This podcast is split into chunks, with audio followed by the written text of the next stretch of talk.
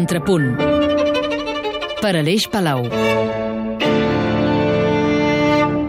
Vasili Sinaisky dirigeix l'OBC.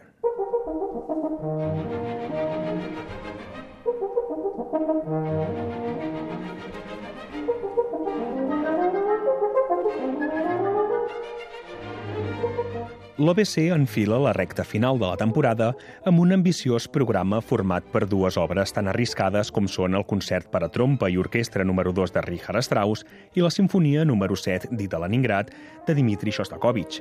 Dues obres d'estètica molt diferent, però que van ser estrenades amb un any de diferència i en el context de la Segona Guerra Mundial. El segon concert per a trompa de Richard Strauss recupera l'esperit clàssic del primer, que va escriure 60 anys abans. Es tracta d'una obra superba i de gran creativitat, on Strauss crea un diàleg entre solista i orquestra de gran inspiració i brillantor. L'obra, malgrat que va ser estrenada l'any 1943 en plena Segona Guerra Mundial, té un discurs optimista que sembla voler fugir dels bombardejos que aquells dies massacraven la ciutat de Viena.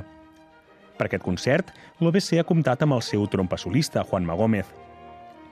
Gómez és un músic de grans habilitats i bones dots interpretatives, però li va faltar complicitat amb la batuta de Vasily Sinaisky, que no va saber equilibrar el so entre l'orquestra i la trompa, eclipsada en gran part de la intervenció.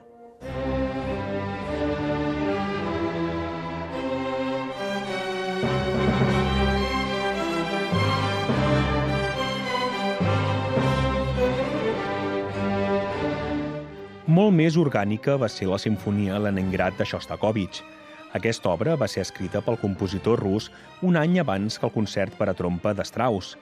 Emblema de la resistència antitotalitarista, va ser un punt d'escap per a tot un especialista en el repertori rus com és Vasily Sinaisky, que es va entregar aquesta monumental obra, amb la qual va fer una gran feina amb la massa orquestral i va aconseguir un resultat homogeni que es va estendre pels 70 minuts que dura la sinfonia.